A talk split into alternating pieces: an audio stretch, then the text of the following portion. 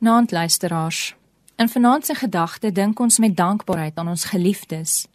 Paulus skryf aan die gemeente in Korinte: Ek dank my God altyd oor julle vir die genade wat hy in Christus Jesus aan julle geskenk het. Want in hom het God julle in alles ryklik geseën.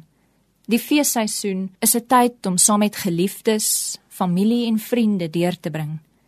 Dit is 'n tyd waarin ons rustig raak na 'n besige jaar dan besef ons weer watter voorreg dit is om omring te wees met mense wat vir ons omgee. Ons is geskep om in verhoudings te leef. Om in gemeenskap met ander mense te leef is 'n gawe van God.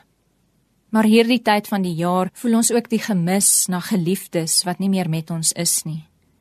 Dalk was dit vanjaar die eerste Kersfees sonder daardie persoon. Tog kan ons met dankbaarheid terugdink aan die mooi herinneringe saam met hulle. En ons kan die goeie en die slegte tye vier. Daar is soms swaar kry tye, soms onenigheid en teleurstellings.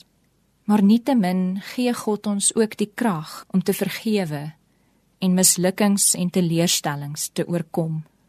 God dra ons om uiteindelik soos Paulus dankbaar te wees vir die mense in ons lewe.